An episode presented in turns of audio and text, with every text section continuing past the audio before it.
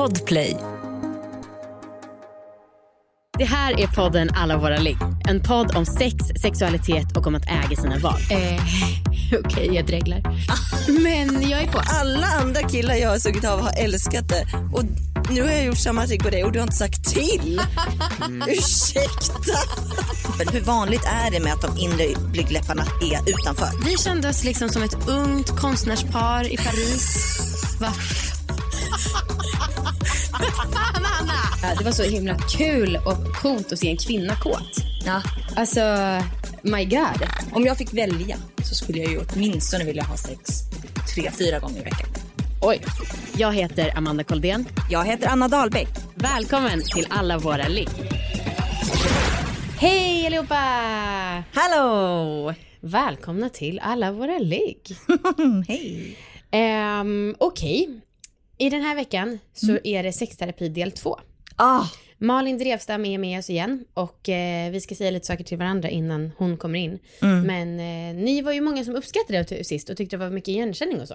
ja, och att det, formatet skilde sig väldigt mycket eh, från våra andra avsnitt.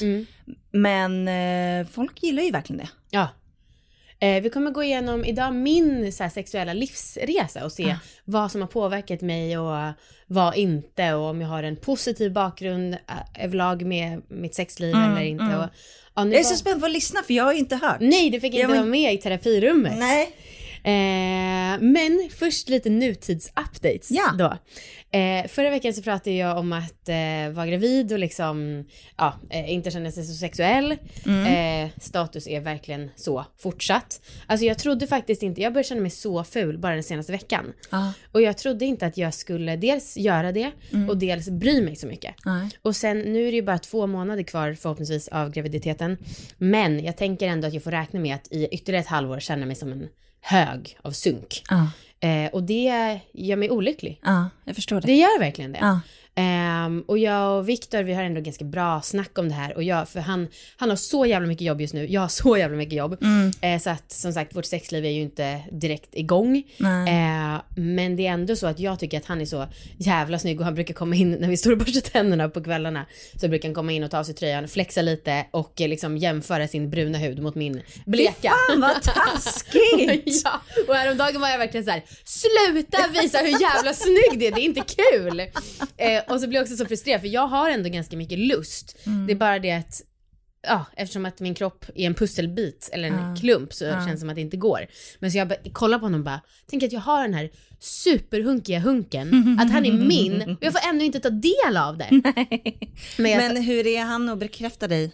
Eh, nej men jag, säger, jag har sagt flera gånger de senaste dagarna, åh jag är så ful och då säger han bara så här, nej det är du inte, men inte som att han säger, nej du är jättesnygg och då blir jag också sur! Igår så kom han hem dock och sa, du är jättesnygg och jag säger det inte bara för att säga det. Eh, men det jag tycker, en sak som jag tycker är lite bra med hela den här grejen, Mhm. det är att det känns som att Viktor har fattat vikten av att man ska anstränga sig för att vara sexig för varandra. Är det sant? Ja, för förut när jag har pratat, alltså när jag har tyckt att han eh, irriterar mig på att han inte tränar eller liksom sådana saker, eh, då har han ryckt på axlarna och bara äh, det blir sådär. Typ, och när vi blir äldre så kommer vi ändå sunka till oss. Men det känns Bra inställning. ja, men det känns ändå som att han kanske är mer, lite mer på tåget att inte acceptera det. Okej, fan vad skönt. Mm. Och det kanske låter jätteharsh för er som tycker att man ska bli gamla tillsammans och så, men jag tycker att det är, jag vill gärna att vi ska anstränga oss lite mer. Ja, det tycker jag är bara common sense. Ja. Att man ska försöka vara snygg Ja. inför varandra. Eh, såklart att man ska försöka göra det och vara avslappnad och kunna liksom, ja, inte behöva vara så jävla stel också. Nej. Men, men det tror jag är skitviktigt. Ja. Eh, jag är också lite glad, eh, trots min stora sorg, i att jag har tappat sexlusten. Du har tappat sexlust. Det har jag. jag känner ingenting längre. Okej. Ehm, så är det. Men så är jag också lite glad för att jag känner mig som alla andra. Ja. jag känner mig som alla som har blivit provocerade av liksom, vårt snack om att det är viktigt att hålla igång sexlivet. Okej. Jag är som er. Fy, ja, men jag har Jag vill inget, fortfarande kämpa emot. jag har inget intresse. Är det sant? Eh, och så jag och Marcus, vi liksom pratade om att ha sex och han har liksom inte, inget intresse nu heller för att han liksom har så mycket annat just nu. Och då är vi bara, it. skitsamma. Och det känns, Alltså det känns väl lite skönt, men det känns också rätt jobbigt för att jag tänker ju mycket på så här, ja, förlossningen närmar sig. Eh, vad fan kommer det bli då? Exakt, hur många månader pratar vi om? Ah, ehm, Det var, kan vi inte göra något ska sånt försöka, bett? jag och Marcus ska försöka ligga idag. Ska ni det? Men jag vet inte fan hur det kommer Gud, gå. Nej. Vilken ställning har ni, tror du att ni kommer kunna lyckas med? Alltså grejen är att för att jag känner mig inte så jävla liksom ful. Nej. Eh, så det liksom handlar inte om det. nej, nej, men jag menar bara att du har ju ändå en kula på magen. Jo, eh, men den, ja. Vi, vi, vi kör mycket under täcket så man inte slipper se varandra. men det, ja, Marcus är ju fortfarande skitsnygg men eh, ja. Ehm, nej det är väldigt, ehm, det är tur att vi ska sluta med alla våra ligg. Ja, det är tur. Eh, ja, och det var ju tur att vi, eller otur att eh, inte den här eh, graviditetsperioden var med i min tanke när vi spelade in med Malin om eh, min sexuella livslinje, för då hade mitt sexliv i allmänhet varit så mycket mer negativ upplevelse. Men vi kör med henne va? Ja det gör vi. Hej Amanda. Hej Malin! Gud vad så vad du säger Anna, så jag tänkte säga hej Anna. Du, ehm, sist vi sågs så frågade jag dig om du kunde tänka dig att göra en sexuell livslinje. Mm. Och det var du på. Ja. Så nu sitter vi här och ska försöka gå igenom den. Hur var det att eh, inför att göra en sexuell livslinje? Mm. Ehm, det var, jag tyckte att det kändes ganska lätt. Jag fick många så tydliga minnen som kom till mig. Eh, både positiva och negativa. Eh, och sen så begränsade jag mig lite för jag tänkte jag kan inte gå liksom igenom 50 punkter. Men eh, jag fick med och så, ja, alltså det är kul att konkretisera för sig själv vad man tror har påverkat den tycker jag. Och ehm, eh, syftet med sån här sexuell livslinje är ju lite grann att försöka få en helhetsbild av vad har påverkat mig och min sexuella utveckling. Mm. Ehm, om, vi nu, om vi tittar sammanfattningsmässigt på att du lite grann har suttit på ett moln och tittar ner på ditt liv. Mm. eh, får du någon helhetskänsla av din sexuella utveckling på något sätt? Alltså jag tycker ju själv att det är så himla tydligt att jag i min tidiga 20-årsålder har varit påverkad av Sex and the City och tjejtidningar och att sex är coolt och att alltså den här frigörelsen på något sätt som jag tycker är jättebra men som också kanske har varit lite väl påverkande för mig. Ehm, det är väl det jag liksom spontant kommer att tänka på när du ställer den frågan. Eh, och sen så var det lättare att hitta konkreta negativa händelser tycker jag. Nu har jag ungefär lika många eh, positiva upplevelser som, som negativa. Men överlag så är ju ändå min känsla av att jag har en positiv bakgrund. En positiv? Ja det tycker jag, även om det var lättare att komma på just konkreta Aha, händelser jag som förstår vad du menar. negativa. Så när du tittar tillbaka så ser du mest positiva saker, men när du skulle identifiera konkreta saker Precis. så dök de negativa tydligast upp. Ja. Okej, så man, det låter som att det finns någon slags anda av sexpositivitet, Ja. men specifika minnen av, av obehag eller Mm, negativa saker. Ja, Okej. Så du, du dök ner i din 20-årsålder. Är det okej att vi börjar ända från noll? Ja, ja, absolut. Vad är det första du minns som på något sätt kan associeras till sexuell... Det, jag minns inte själv, men Nej. du sa att det var okej att man tog berättat. Mm. Och det var mamma berättat när jag var tre och vi skulle någonstans. Så var vi på en parkering och jag stod och gnuggade på, åt en för mina byxor. Bara, Skönt! eh, och att mamma då kanske sa, och, alltså inte att, som, inte att jag minns just det, men att hon sa, det kanske du får göra på egen hand. Okej. Eh, Hur, hur, och det här minns ju du då själv inte, men du, hur, hur har det varit för dig att höra din mamma berätta om det här minnet? Jo, helt okej. Varken plus eller minus. Alltså, mamma har ju liksom, när vi startade alla våra liv, var lite så här, hmm, varför vill man berätta så öppet om sitt sexliv? Men under åren som vi har gjort så har hon tyckt att det var mer coolt och mer bra. Så att jag, min gissning är att det kanske var med lite negativ eh, tonalitet först, men liksom nu att det är så här, ja, det är väl en grej som jag tror att många barn känner sig fram med, alltså sexualiteten. Och så som du fick berättat hennes reaktion, Mm. vad tänker du om hennes reaktion då för treåriga Amanda som gnuggar sig? Det, jag tror att det var ganska bra, alltså för om det nu stämmer att hon sa det där får du göra själv och inte liksom skambelade på något mer sätt, då tycker jag att det var väl bra gjort. Eh, Jag tänker, eftersom jag har träffat ofantligt många klienter med olika erfarenheter, Mm. så tänker jag att det är typiskt sånt tillfälle som skulle kunna bli väldigt, väldigt skammande. Det. Så hur man bemöter ett sånt beteende hos ett barn har Mm. otroligt stor betydelse för hur barnet kommer att associera till Mm, okej. fysisk njutning, men också hur man... Ja. Mm. Ha, eh, vad, vad hittar du om du följer livslinjen? Mm. Eh, då kommer vi, nästa grej var ju en oerhört skamfull grej. Okej. Mm. För då var jag, jag tror att det här är på lite olika, mellan sex och nio kanske. Mm. Och då hade jag hört talas om att knulla. Det var några på dagis som sa, Åh, ska ni hem och knulla eller? Mhm. Och då så frågade jag mamma vad det var och hon sa, pappa stoppar sin snopp i mammas mutta. Mm. Äckligt va? Och jag tyckte såklart att det var super, super äckligt. Ehm, men Var det jag- första gången du minns att du fick höra talas Ja. om att det pågick sånt? Ja. Okej. Mm. Eh, men jag blev ändå väldigt nyfiken. Mm. Eh, och började, jag vill också testa att knulla. Mm. Så att jag föreslog för olika tjejkompisar att vi skulle ta eh, en pinne emellan oss och lägga mot könen. Mm. Så jag har liksom minnen av att jag var med pappa på när han spelade bandy i så här förrådsområdet. Mm. Där låg jag och en kompis och höll på och knullade. Mm. och sen så även samma sak liksom med min kusin i någon garderob. Eh, Ja, och det som, var, det som fick det att sluta då, det var jag och min pappa och hennes pappa eh, och hon då, Mm. den här kompisen. Vi var ute på något landställe och vi hade legat och hållit på i skogen med någon kvist emellan. Det var väldigt viktigt att den här pinnen var med. Eh, och ehm, när vi åt lunch så, så sa då min kompis, eh, "Men Amanda, vi knullar inget mer sen. Och eh, hennes pappa bara, nej, det hoppas jag inte att ni gör. Eh, och hon bara så här, nej, nej, jag menar vi bullar inget mer. så världens genomskinligaste lögn. Men det tror jag i alla fall att det liksom rann en våg av skam. För vi visste ju att det var något som var lite förbjudet. Det gjorde ni? Ja. Mm. Minns du om, du om du minns det som att det var fysiskt skönt? Eh, det var pirrigt, men just den här kvisten som tvång, tvunget skulle vara med gjorde att det blev mindre skönt. Så att det var också väldigt så penetrationsnormativt. Mm. Okej. Så minns du om eh, ni... Var det, var det den här pappans reaktion som gjorde att det blev sk- skammigt eller hade ni... För hon Jo, sa det ju ändå ganska rakt ut i det sammanhanget. Ja, men jag tror att jag hade nog lite skam kring det, för det var också jag alltid som föreslog det för mina kompisar. Mm. Ehm, och jag, hade, jag vet inte exakt hur jag hade fattat att det var lite negativt, men jag visste att det här var någonting som vi skulle göra i smyg. Mm. Och då när vi då, på toppen, att det kom fram på lunchen med papporna, då blev det väldigt, väldigt pinsamt. Mm. Mm.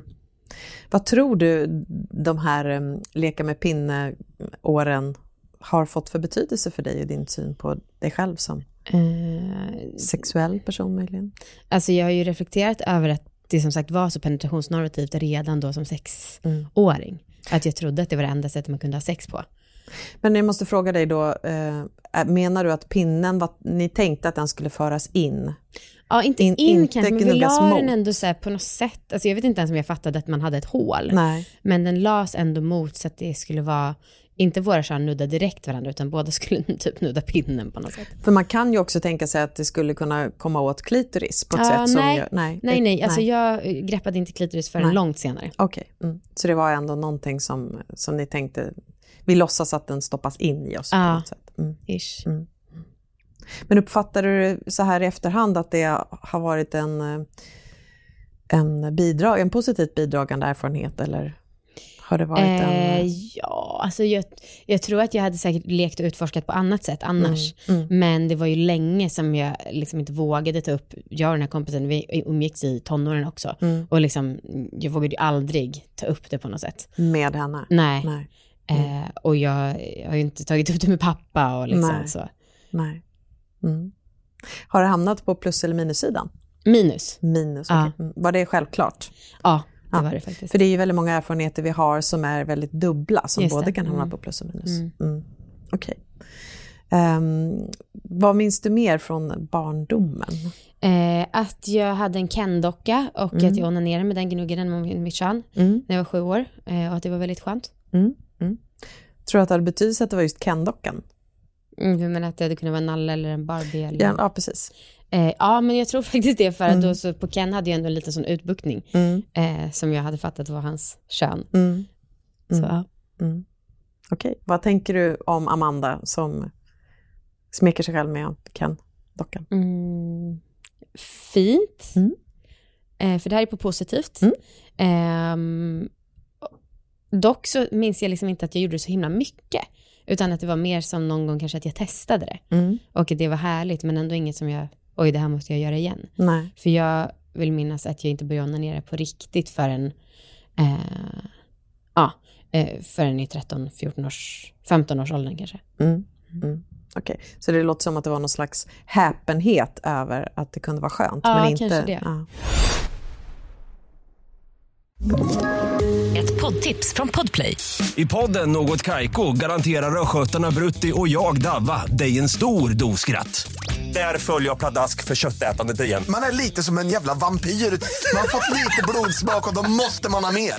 Udda spaningar, fängslande anekdoter och en och annan arg rant. Jag måste ha mitt kaffe på morgonen för annars är jag ingen trevlig människa. Då är du ingen trevlig människa, punkt. Något Kaiko, hör du på Podplay. Därför är gardinerna.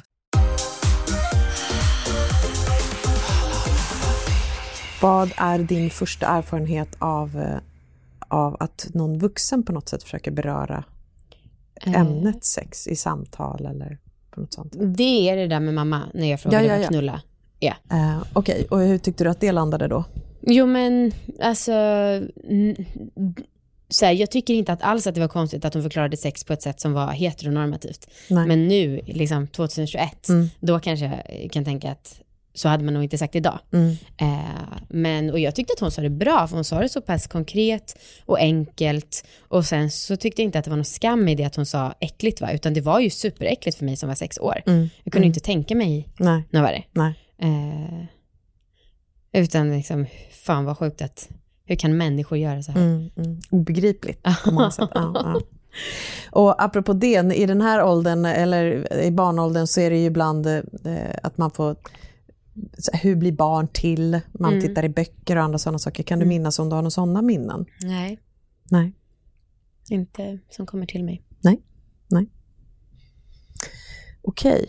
Vad har du mer på din lista från din utveckling? Jo, sen så har jag då, då kom vi lite upp i tonåren. Mm. Och då hade jag som 13-åring eller 14-åring hade jag en pojkvän som var ett år yngre. Och Mm. han var väldigt så prepubertal. Och det här är både på positivt och negativt. Mm. För att jag kan liksom inte minnas fortfarande typ att jag varit så kåt som jag var då. Det var liksom varenda, om hans finger nuddade mig så bara Mm. ett stöt genom hela kroppen. Vi hånglade så mycket och liksom, ja, känslan han tog mina på mina bröst, det var, ja, det var helt eh, sensationellt. Mm. Ehm, som var nykär gånger hundra typ. Hur gammal var du då sa du? 14 typ. 14? Ja. Okej, ja. Men som sagt, han var väldigt prepubertal och väldigt, väldigt tjatig. Mhm. Så han försökte lite för mycket. Det var hela tiden försökte han, jag kände mig inte redo för att nudda könen. Mm. Men han sla, försökte slinka ner händerna i trosorna och så. Jag var hela tiden tvungen att ta bort honom. Och det var vissa gånger som jag tyckte att det var obehagligt för att han var ganska stark också. Mm. Eh, och då var det lite svårt att få bort hans hand. Eh, och sen så var det en liten fandäs när han typ på något jävla vänster smsade från sin kompis telefon och försökte tjata om att vi skulle ha sex. Han låtsades liksom vara vår kompis. Eh, Och att kompisen skulle vilja ha sex med dig alltså? nej, så här, hej det här är Kalle. Ja. Eh, Alex hade verkligen räknat med att Jaha, ni skulle ha okej. sex, snälla kan han inte få ha det? Okej. Eh, men jag genomskådade och fattade att det var liksom egentligen då min pojkvän som ljög. Eh, så jag gjorde slut med honom eh, och då kallade han mig hora. Mhm, Okej. Eh, så han var liksom, hans kropp var väldigt härlig för mig men hans personlighet var inte så bra. Alltså var som väldigt mycket både positiva och negativa hopblandade känslor. Ja, Mm. Verkligen. Tror du att du, som den du var då, hade behövt någon form av eh, råd av en vuxen Amanda som vill dig väl, möjligen? Alltså jag, nu när jag, jag har inte tänkt på det, men jag Nej. ändå imponerad över mig själv att jag så här, kunde stå emot och att jag också gjorde slut när det kom fram att han var sådär dum. Eh, och jag tror inte att jag blev, så- alltså, så, jag fick inget horykte eller något sånt. Nej. Och då hade det säkert varit annorlunda. Men för, och mamma pratade också med hans pappa som var jävligt störig och bara, äh, killar i den åldern är sån här. Okej. Ehm. Så du hade även tagit upp med din mamma? Ja, Okej. just det här att han kallar mig hora. Eh, men nej, då, jag blev nog glad och liksom tycker att det var så bra som det kunde gå. Att jag vågade avsluta och även vågade säga emot hans hand. Men hade jag, liksom, jag är väldigt glad att han inte var ännu starkare. För att jag är inte helt säker på att han hade kunnat hålla sig till gränser annars. Och handlade det om att han ville att ni skulle ha en sexdebut? Eller? Ja. Ja. Alltså han var så jävla liksom, äckligt tonårskåt. Så att det var, ja. Mm, Okej. Men det tänker jag så här efterhand låter som en väldigt stärkande upplevelse. ja, kanske. Att, att du hade förmågan att sätta gränser och lyssna på dina behov. Och också till viss del involvera mamma Mm, utifrån att du kände dig... mm. Eh, eller vad var det som gjorde att du blandade in henne i det tror du? Jag, kommer inte, jag tror att det bara var självklart Ja. att jag berättade. Mm. Jag minns faktiskt inte. Nej.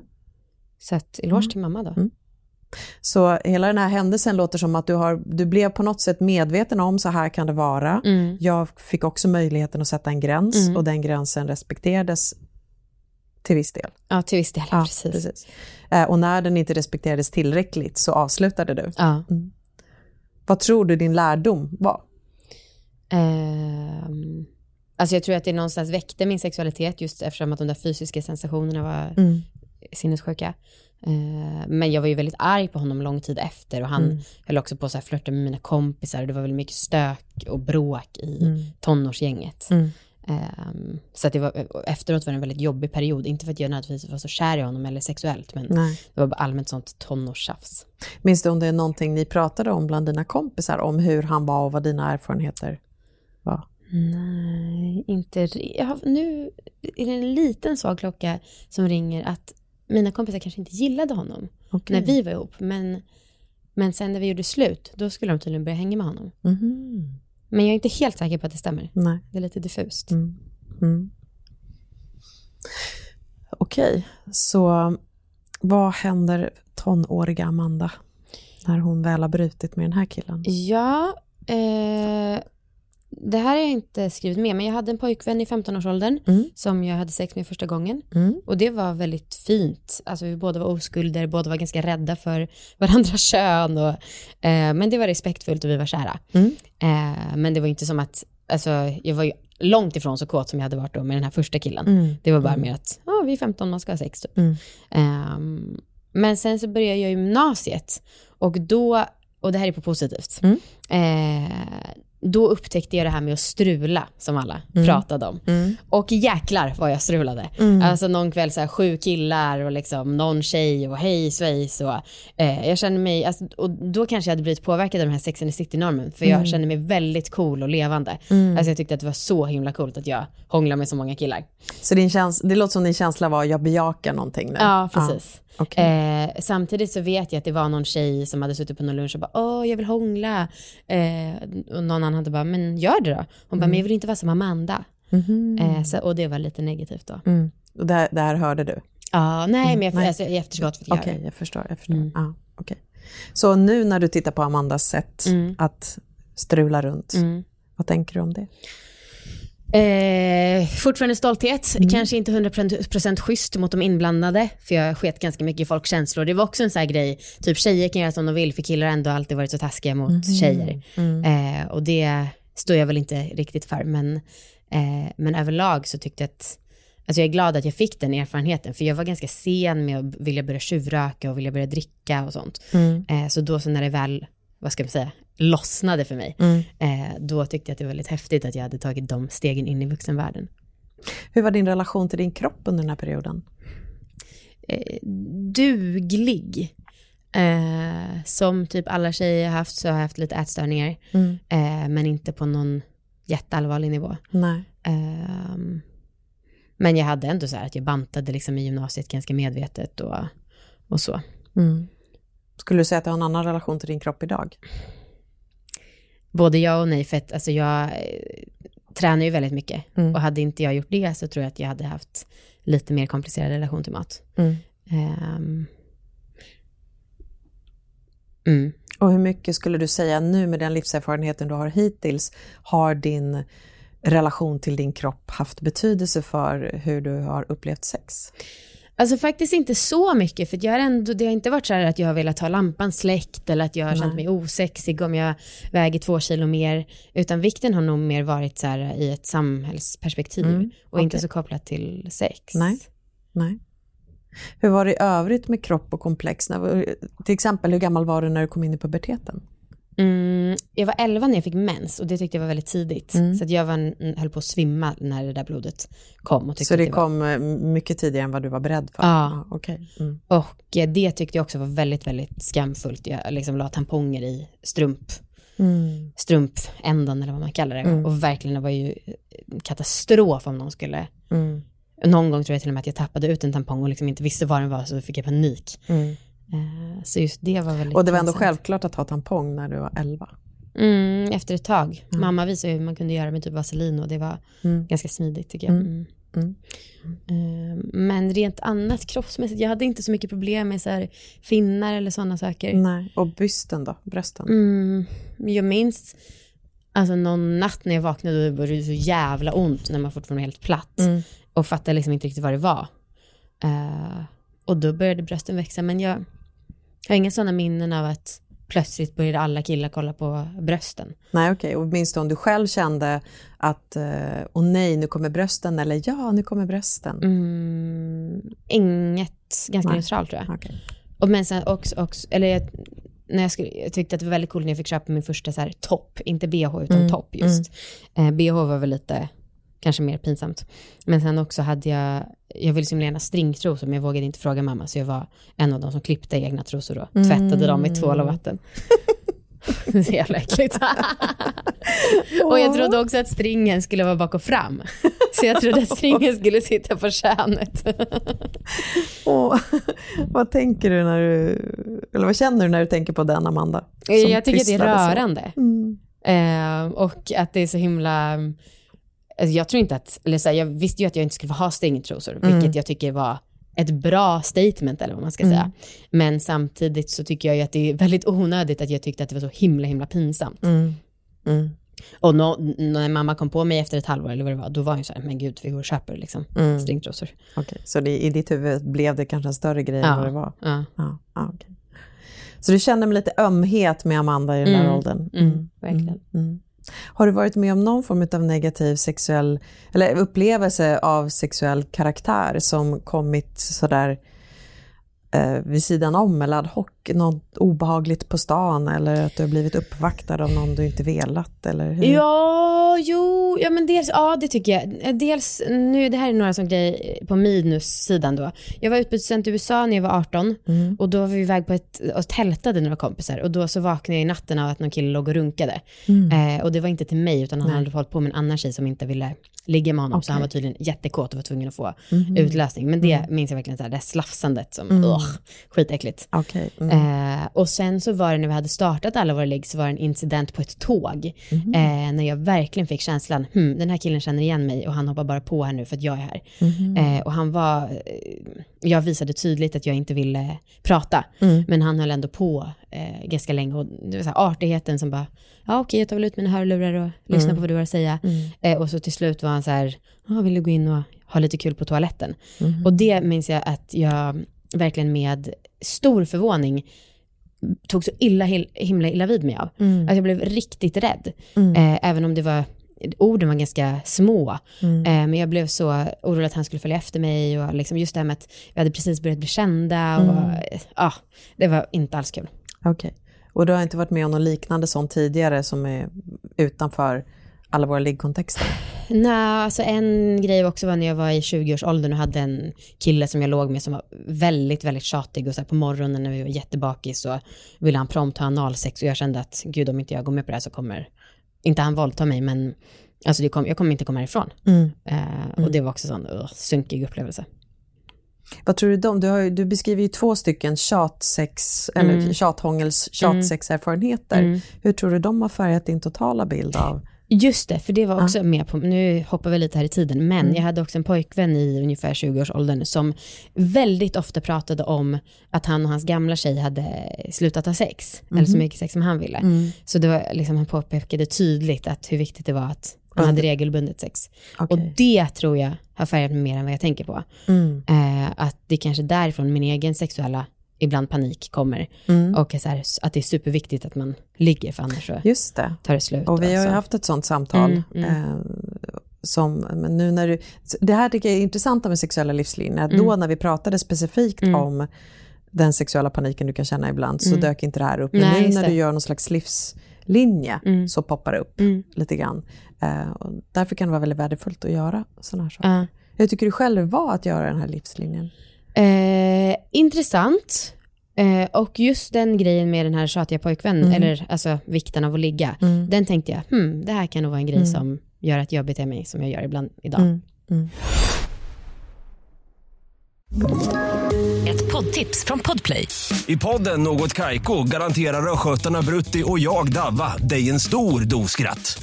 Där följer jag pladask för köttätandet igen. Man är lite som en jävla vampyr. Man har fått lite blodsmak och då måste man ha mer. Udda spaningar, fängslande anekdoter och en och annan arg rant. Jag måste ha mitt kaffe på morgonen för annars är jag ingen trevlig människa. Då är du ingen trevlig människa, punkt. Något Kaiko, hör du på Podplay. Därför är Så när du ser hela din sexuella utveckling Mm. på det här sättet, vad liksom får du för känslor om hur resan verkar ha varit för Amanda? Eh, det är ju så hemskt att jag liksom direkt tänker att den har varit bra för att jag inte haft så många traumatiska upplevelser som man hör om många andra kvinnor som har. Eh, men det betyder ju inte att det är bra per automatik. Men det blir min första tanke. Det att det ändå sammantaget är på positiva Ja. sidan. Ja. Även om ingen ju förtjänar att liksom ligga och bli runkad bredvid eller Nej. Så. Mm. Eh, men jag vet ju många som verkligen inte har vågat sätta gränser och att det verkligen har skadat Mm. dem. Så att utifrån det är jag ju glad för min bakgrund. Och jag tänker att, eh, att, eh, att utforska sex Mm. och sexualitet, särskilt med någon annan eller andra, Mm. men också med sig själv, är ju hela tiden hack i hälen med skam till Mm, exempel, mm. eller rädsla eller besvikelse. Mm. Så det, det är alltid spänning och njutning i direkt anslutning till alla risker mm. det innebär. Och då menar inte jag risker så som omdömeslöst sex, utan risk för att, för att man är i gränslandet hela tiden. Mm. Och det är ju svårt, man kan ju inte utforska gränserna om man inte Jag menar befinner det. sig där. Så jag tänker att det är nog få personer som har ett skulle kunna göra sexuell livslinje med bara positiva Mm. erfarenheter, Mm. utan alla har ju någon nivå av skam. Sen kan den gränsen för hur, vad som känns bli skamfyllt eh, variera såklart Mm, mm. för olika personer.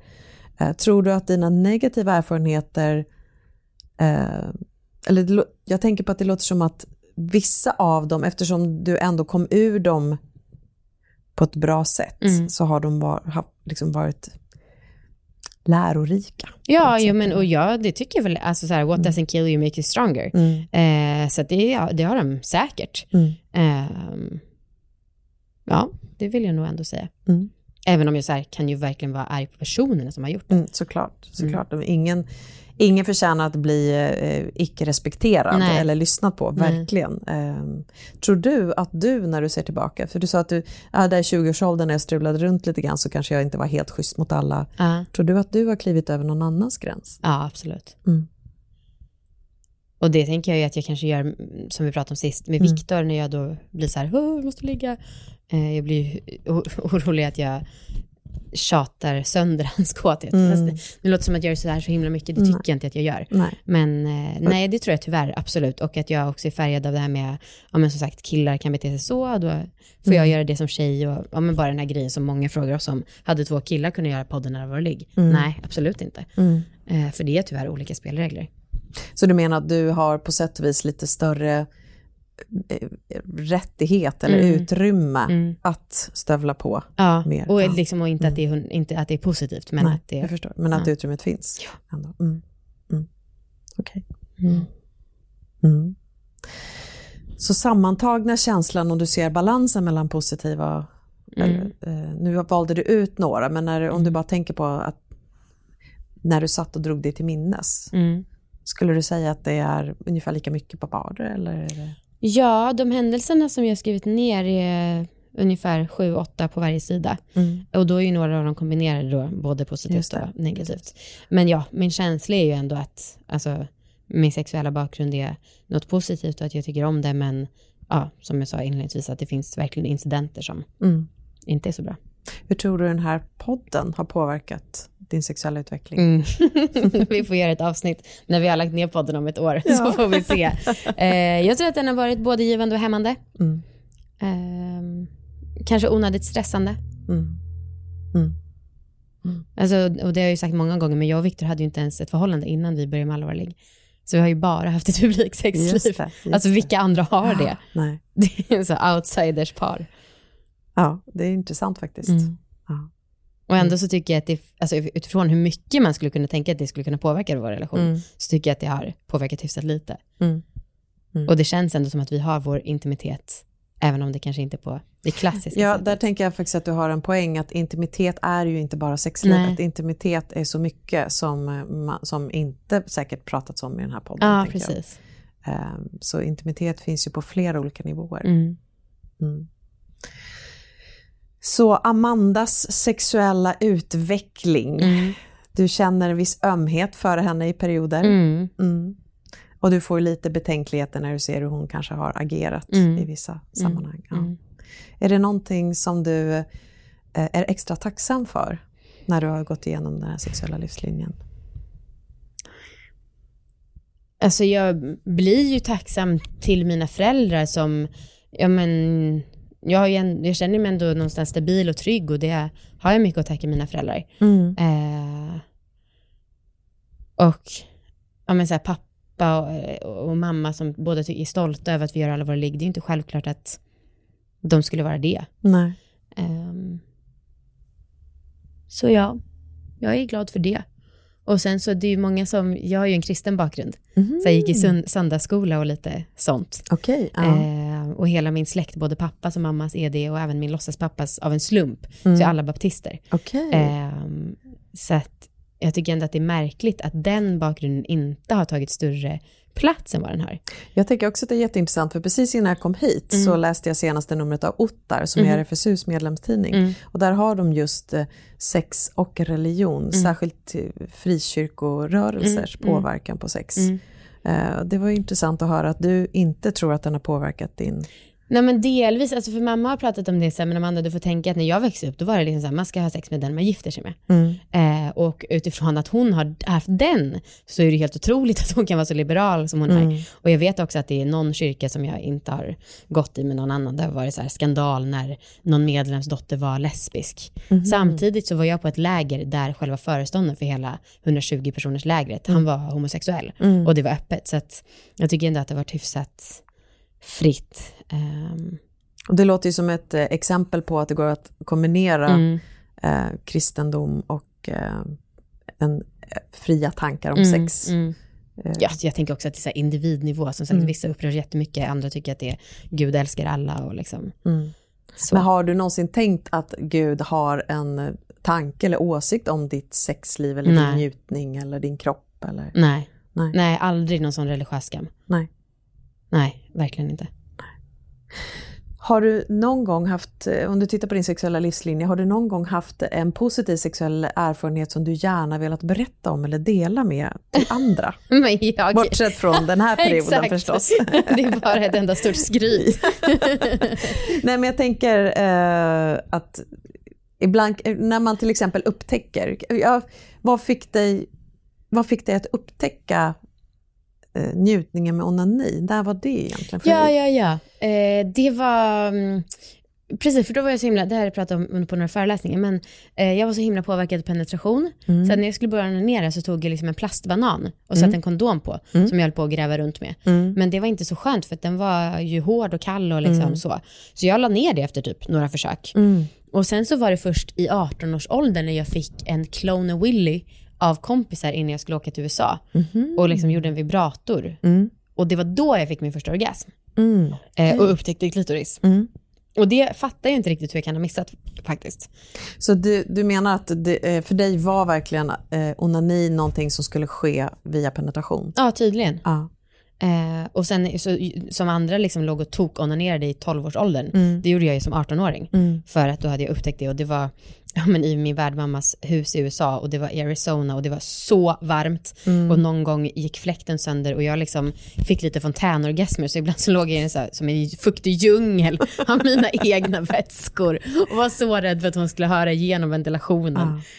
Tror du att det hade någonting att göra med att du var utbytesstudent i USA och influenser du fick där och då som kanske gällde för tiden? Eller var det bara en slump att det var där du råkade upptäcka? Det var nog bara en slump. Mm. Just det här med vibratorn som jag så här, aha jag behöver inte ha den i mig, jag kan ha den på här. Mm. Du pratar mycket om Sex and the City, inför- men där tänker jag också att de pratar mycket med varandra. Har du pratat mycket med vänner om? Ja. Ja, okej. Verkligen. På sätt som har varit lärorikt för dig? Ja, mm, mestadels. Alltså sen också en del av det här skrytet inför varandra. Åh, låg du igår? Och Så. Men eh, överlag positivt. Mm. Och nu gör jag ju inte det så mycket för att jag får min dos ändå. Ja, det förstår jag. Det förstår jag. Mm. Eh, hur gick det till? För just Sex and the City, vem, var det någon som särskilt influerade dig? Eller var det... Mm, ja, jag tyckte nog alla var en skön mix, men det är klart att Samantha har ju varit en karaktär. Skulle du säga att hon har haft positiv impact på dig? Ja, eller jag tycker ändå det, för att när hon kom så var hon så himla extraordinär och liksom, ja, ja jo, men att stå upp så mycket för sig själv och så här, mm, ja, ja Mm. rivig. Så det låter som att du med influenser från henne kunnat bejaka dig själv utan att det egentligen har fått särskilt mycket negativa konsekvenser. Ja, det säger jag Mm. nog. Mm. Jag älskar Sex and the City. Jag tänker ibland att de personerna är eh, som aspekter av oss, att vi alla har olika procent av Sex and the City eh, och ytterligare. Mm. Du berättar om de här erfarenheterna när, du, eh, när ni lekte, lekte knulla med pinnar, helt enkelt.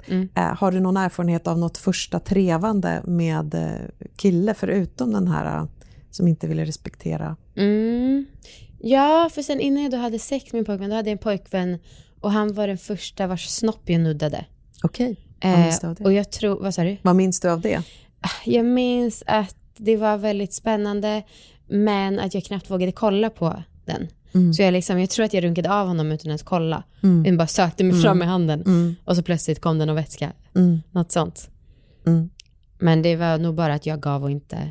Och var det någonting som du förstod eh, att så här gör man och det här kan hända? Ja. Eller, det var inte så att du var, "Va- vänta vad händer nu? Nej, jag tror inte det. Men som många män fortfarande idag som var väl ganska dåliga på att kommunicera, så han sa väl bara mm. Och sen så drog han på sig byxorna och så jag bara mm, kom han eller inte? Var det någonting som förvånade dig med hur sex blev, eller hur sex är när du väl hade det, av praktisk karaktär? Hur det går till rent praktiskt och hur, hur det luktar, låter, vätskor, eh, ställningar? Gud, jag är så van vid lukten av sperma. jag vet inte. Nej, du minns inte om det var Nej. någonting, oh, vad- är det så här det ser ut, är det så här det känns? Nej. Jag tänker doften av dig själv. Eller jo, då, jo just det, för jag trodde att nog att, jag fattade inte att förhuden var så tunn, så första, eller andra gången jag runkade av honom, jag kommer inte riktigt ihåg, men då så tog jag jätte, jättehårt grepp. Mm. Och det Okej. tyckte han, han, aj, aj, aj. Jag Ah. fattade liksom inte att det var så lövtunt som man tvungen att handskas med. Ja. Har synen på dig, jag tänker på din, din egna syn på ditt eh, underliv, dina lukter, hur du själv låter när du har sex, hur Mm. du tror att du ser ut när du får en orgasm och så. Har det utvecklats över tid eller förvånat dig eller varit svårt? Alltså jag hade en kille i 20-årsåldern som sa att jag smakade och luktade så himla gott. Mm. Och det är jag evigt tacksam för. För jag tror att det kanske tog bort lite framtida Mm. komplex. Men sen så, alltså jag tänker att man får, man så liksom ser ut som en hopskrynklad apa när man kommer, men vad ska man göra åt det? Ha, vad spännande. Så Mm. nu har du gjort en sexuell livslinje ehm, och du sammanfattade det tidigare som att du i stort sett känner dig glad Ja, absolut. Ja, över vad du känner, men att du har, kan se specifika Mm. incidenter som inte har varit så positiva. Mm. Hmm. Sex är ju någonting som är eh, både och, Mm. men man får verkligen önska alla människor att det är mest positivt. Och det Absolut. låter ju som att din start i livet har fått dig att se på sex som någon tillgång i livet. Mm. Mm. Tack för att du gjorde den här lilla övningen. Men tack du för att jag fick. Jättehärligt. Eh, men Malin, berätta, du är med i ett tv-program som vi alla vill kolla mer på eftersom att vi inte får nog av dig. Ja, är man nyfiken på hur jag ser ut, Ja. då har man chansen eh, nu i vår. Ja. Eh, Jag kommer vara med i åtminstone ett program där Karina Berg och jag sitter och samtalar om sex. Jag älskar henne. Eh, Mm, hon, hon är precis så härlig som man tror att hon är. Men vänta, är det här programmet om ofrivillig barnlöshet? Ja, Åh, vad fint. precis. Jag längtar efter det Eh, ja. jättemycket. Mm. Så håll utkik på kanal 5. Mm, så kommer ni få se mig live när jag sitter och pratar om barnlängtan och Jättebra. sexliv och parrelation. Mm, du är så bra på det. Tack! Tack själv. Hej då.